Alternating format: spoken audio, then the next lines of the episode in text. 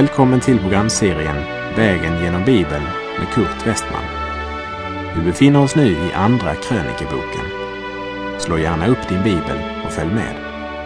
Programmet är producerat av Norea Radio Sverige. Hejsan och välkommen till fortsatt vandring vägen genom Bibeln. I det här programmet ska vi vandra genom Andra krönikerbokens 14 och 15 kapitel. Förra programmet avslutades med att berätta att så länge Abia och Jerobeam levde så var det krig mellan dem. Mellan Sydriket som bestod av Benjamin och Juda å ena sidan och Nordrikets tio stammar å andra sidan. Och med kapitel 13 avslutades Abias livshistoria. Och vi fortsätter och läser i Andra krönikerbok kapitel 14, vers 1. Och Abia gick till vila hos sina fäder och man begravde honom i Davids stad och hans son Asa blev kung efter honom. Under hans tid hade landet ro i tio år. Under Asas regering kommer vi att möta den första väckelsen i Juda. Jag tror att Gud har givit oss en undervisning om väckelse i dessa kapitel. Väckelsens väg, det är ingen asfalterad motorväg, men det är en smal och stenig väg i brant uppförsbacke, men vägen är klart utmärkt. Vägkartorna är tydliga och det är vissa broar som man måste vandra över. Asa är en av de fem goda kungar som Gud använde för att föra väckelsen till Sydriket. Nordriket hade nästan aldrig någon väckelse. Nordriket hade 19 kungar och alla var gudsfrånvända. Det var inte en enda god kung i Nordriket. Av eh, Sydrikets 20 kungar kan det väl sägas att tio var goda och fem av dem var faktiskt enastående. Och det var Asa, Josafat, Joas, Hiskia och Josia. Under deras regeringstid så var det perioder med verklig reformation där väckelser utvecklades och mognade fram. Det finns likheter mellan dessa kungar, men det finns också några slående skillnader. Under Davids regering hade ju arken blivit satt i centrum igen.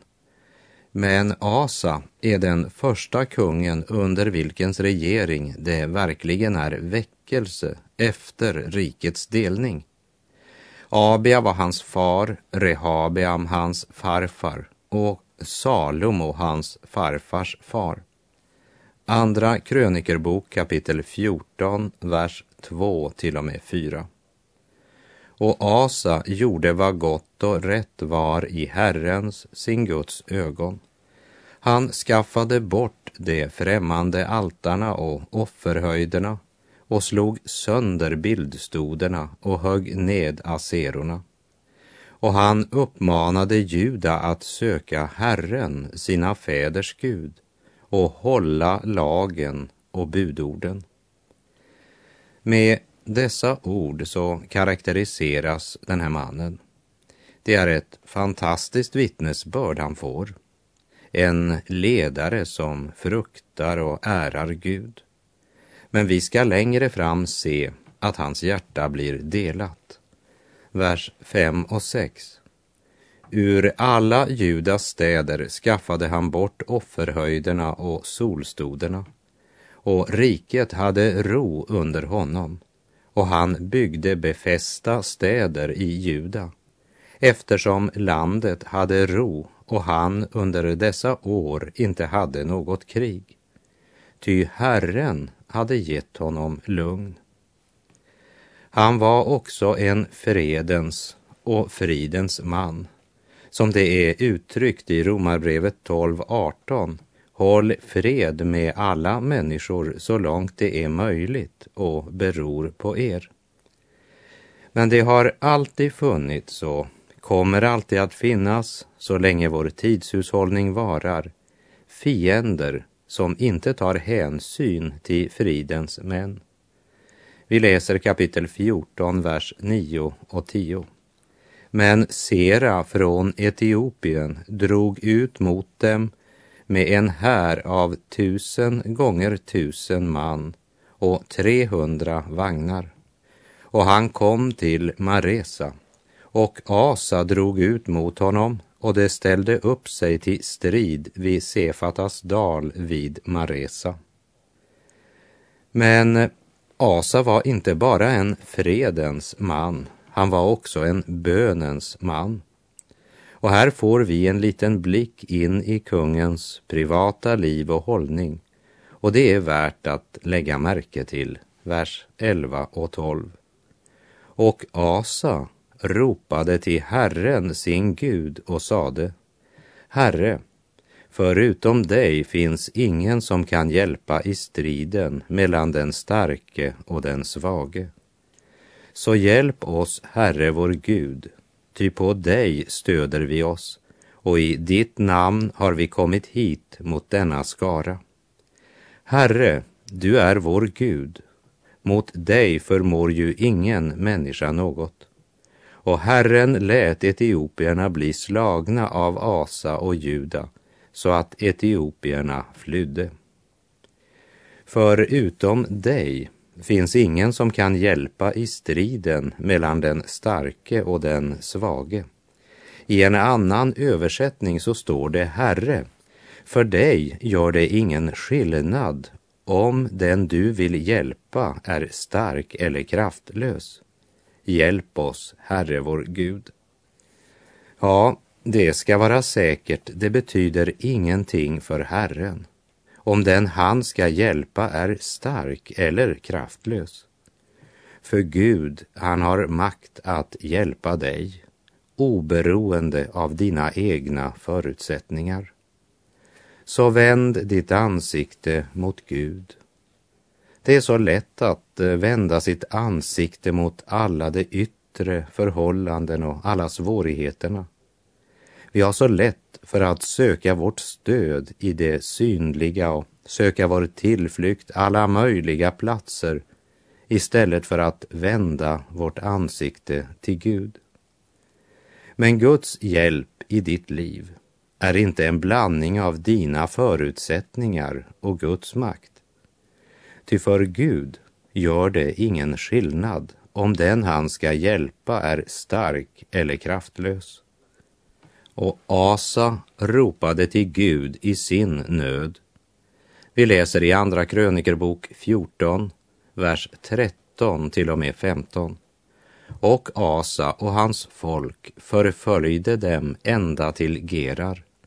Och av etiopierna föll så många att ingen av dem kom undan med livet. Ty de blev nedgjorda av Herren och hans här, och folket tog byte i stor mängd. Och de intog alla städer runt omkring Gerar, ty en förskräckelse från Herren hade kommit över dessa.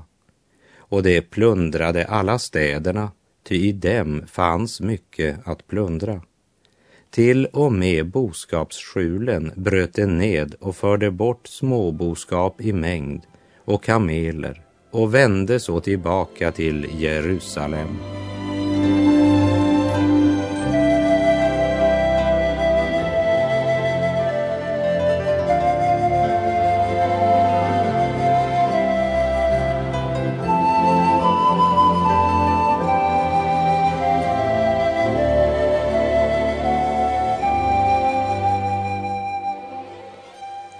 På vägen mot väckelse så är det tre broar som måste passeras. Och vi kommer nu till den första bron som är att lyssna till Guds ord, där Guds ande talar. Det handlar alltså om att återvända till ordet. Andra krönikerbok 15, vers 1 till och med 3. Och över Asarja, Odets son, kom Guds ande han gick ut mot Asa och sade till honom, Hör mig, du Asa, och ni, hela Juda och Benjamin. Herren är med er när ni är med honom, och om ni söker honom så låter han sig finnas av er. Men om ni överger honom så överger han också er. En lång tid var ju Israel utan den sanne guden, utan präster som undervisade dem och utan någon lag. Vår tids olycka är att bibelundervisningen har allt för liten plats i många församlingar. Vi behöver inte fler pastorer för de tycks ju växa upp som svampar ur jorden. Men lärare i Guds rike är det långt emellan. Men de är högst nödvändiga. Det behövs undervisning i Guds ord av sådana som själva böjt sig till jorden inför den heliges ansikte, så att de har insett att kraften inte består varken i talarens åthävor eller högtalarens volym, men i den heliges närvaro. På Asas tid var det behov för sådana som undervisade i Herrens bud och stadgar. De hade massor av leviter och präster som utförde de olika ceremonierna och ritualen i helgedomen. Men de hade inga präster som undervisade folket i Herrens ord. Därmed var folket utan lag, utan Guds ord. Och vi läser i Andra krönikebok 15, vers 4. Men i sin nöd omvände de sig till Herren, Israels Gud, och när de sökte honom lät han sig finnas av dem. Så enkelt är det och så komplicerat. Min vän, om du menar allvar med ditt förhållande till Gud så kommer Gud att ta dig på allvar. Det finns många som säger, oh ja, jag har försökt studera Guds ord och jag försöker att be och jag försöker det eller det, men jag kommer ingen vart. Kära vän, vem är det du försöker lura? Låt mig säga det rakt ut. När du talar på det sättet så gör du Gud till en lögnare. Och jag har en nyhet till dig. Gud är ingen lögnare. Och Gud säger, om du söker mig är jag här. Sök av hela ditt hjärta, min vän. Glöm allting annat och vänd dig till Gud. Och om du verkligen vill lära känna Guds ord så är Gud redo att möta dig när du kommer. Vi läser verserna 5 till och med 7. Under de tiderna fanns ingen trygghet när man gick ut eller in, utan stor förvirring rådde bland alla dem som bodde här i länderna, och folk drabbade samman med folk och stad med stad, ty Gud förvirrade dem med allt slags nöd. Men var ni frimodiga Låt inte modet falla, ty ert verk ska få sin lön. Asa börjar vända sig till Herren och det är profeten som uppmuntrar honom och förklarar varför de haft så många svårigheter och varför förvirringen är så stor. Och jag tror att profetens budskap gäller inte bara Juda utan det gäller även dig och mig. Jag talar inte ex katedra, men genom studiet av Guds ord och genom att se hur Gud här handlar med Juda så inser jag att rötterna till vår nations problem är detsamma. Varför har människorna inte verklig fred i sina hjärtan? Varför florerar det en sådan laglöshet? efter det jag har lärt av Guds ord så tror jag att det är därför att vi har vänt Gud ryggen. Det är inte längre Bibeln som är det grundläggande för regering och riksdag. De tror inte att de behöver Gud. För den här tidsålderns Gud har förblindat människornas sinnen så att de inte ser ljuset som strålar ut från evangeliet om Kristi härlighet. Men är det något som vi behöver i vår tid så är det Gud. Och kung Asa, han lyssnade till Herrens ord. Vers 8 och 9. När Asa hörde dessa ord och denna profetia av profeten Oded tog han mod till sig och skaffade bort styggelserna ur Judas och Benjamins hela land och ur de städer som han hade tagit i Efraims bergsbygd och satte i stånd Herrens altare, det som stod framför Herrens förhus. Och han samlade hela Juda och Benjamin, likaså de främlingar från Efraim, Manasse och Simeon som bodde bland dem. Ty många från Israel hade gått över till honom när de såg att Herren, hans Gud, var med honom. Det finns alltid en liten rest som vill vända sig till Gud. Och när vi ser att sådana fanns det också här bland de tio stammarna i nord. När profeten Elia trodde att han var ensam kvar av Herrens profeter så svarade Gud honom jag har lämnat kvar åt mig 7000 män som inte har böjt knä för Bal. Och i Romarbrevet 11.5 säger Paulus, på samma sätt finns det också i denna tid en rest som Gud har utvalt av nåd.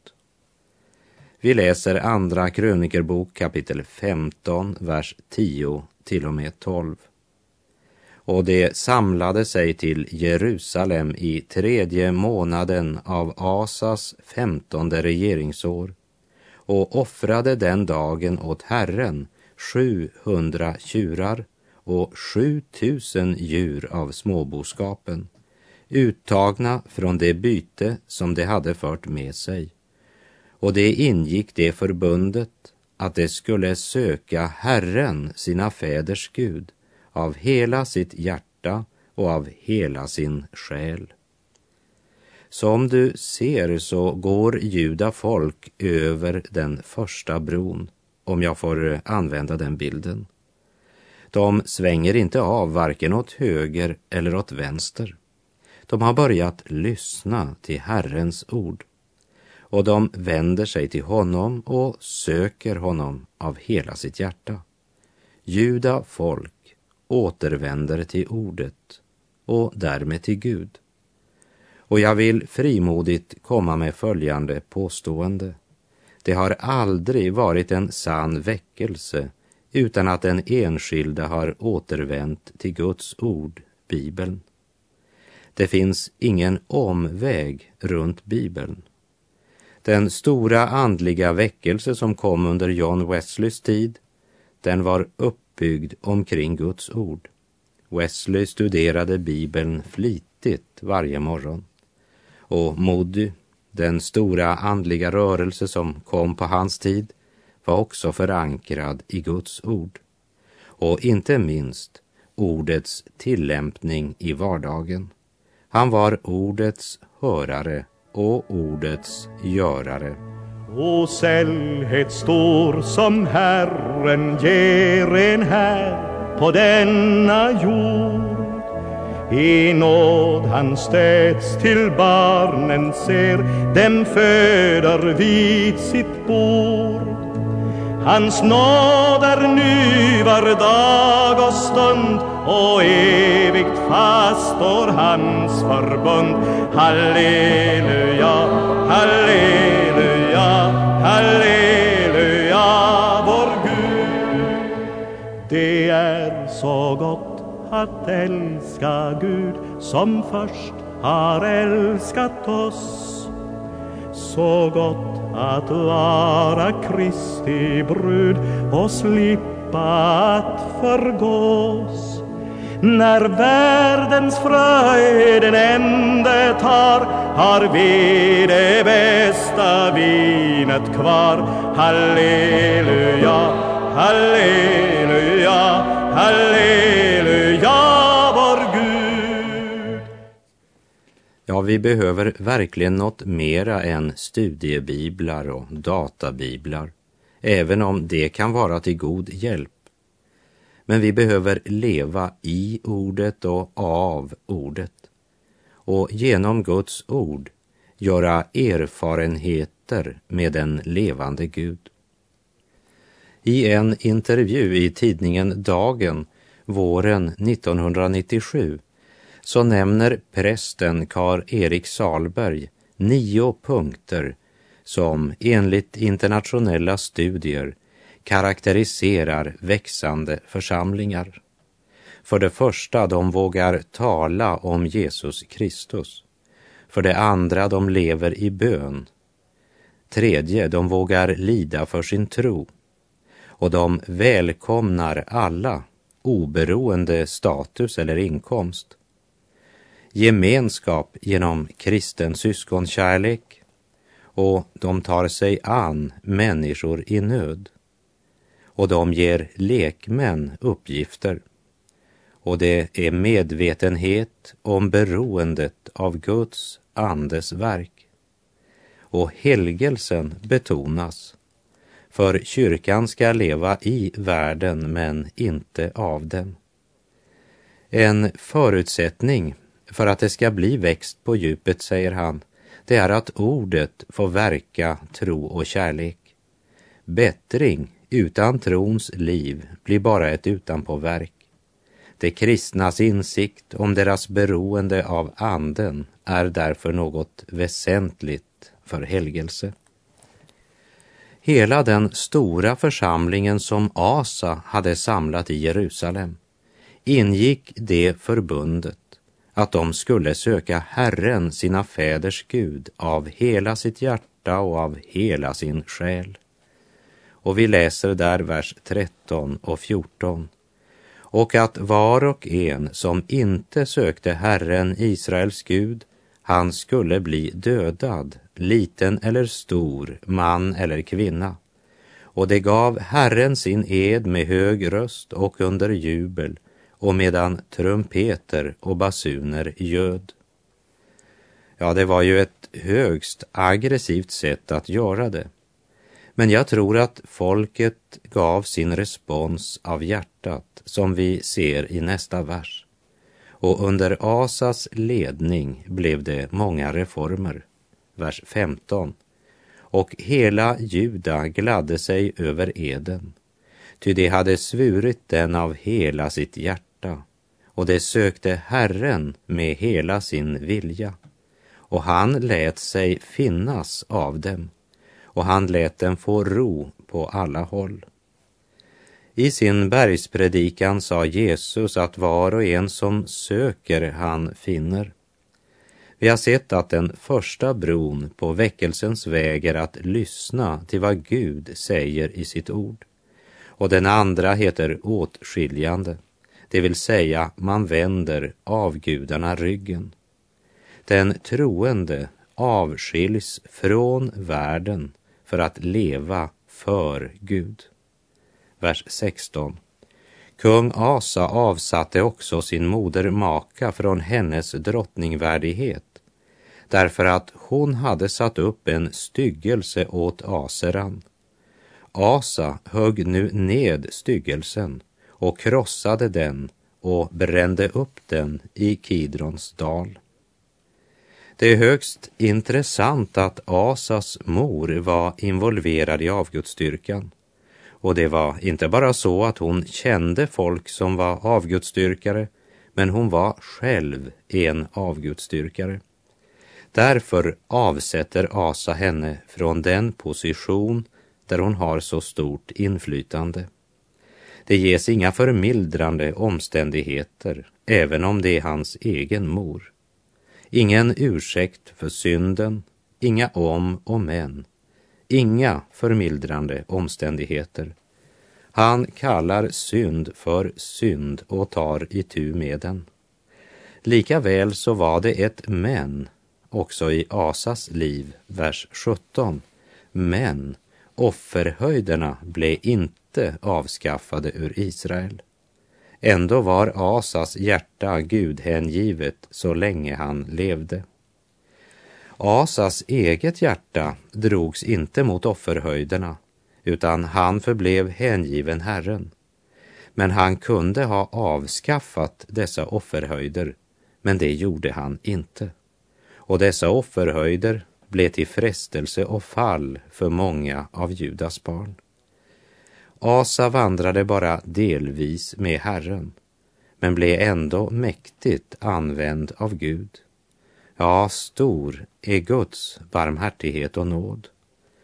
Låt oss komma ihåg att helgelse och avskiljande för Herren är inte att du och jag försöker rätta på alla andra enskilda för att tvinga människor som Gud använder in i vår form. Det vi behöver åtskiljas ifrån är vårt eget självliv, egoismen, egenviljan, själviskheten, det vill säga självcentreringen. Väckelsen måste börja i vårt eget hjärta. Stäng in dig i ett rum och rita en cirkel runt dig själv och säg så till Gud, Herre, sänd din väckelse och låt den börja innanför den här cirkeln. Gud älskar syndaren, men han hatar synden. Och vi må aldrig ha en kompromissande hållning till våra egna synder. Hur kan vi kompromissa med det som den helige Gud hatar? Och salig är den som är så fattig i sig själv att han inte har något annat än Gud att trösta sig till och hoppas på. Vi ska alla en gång dö. Och döden kommer ofta överraskande för de flesta människor. Därför att de så tanklöst vandrar genom världen utan att förstå varken livets eller evighetens allvar förrän det är för sent.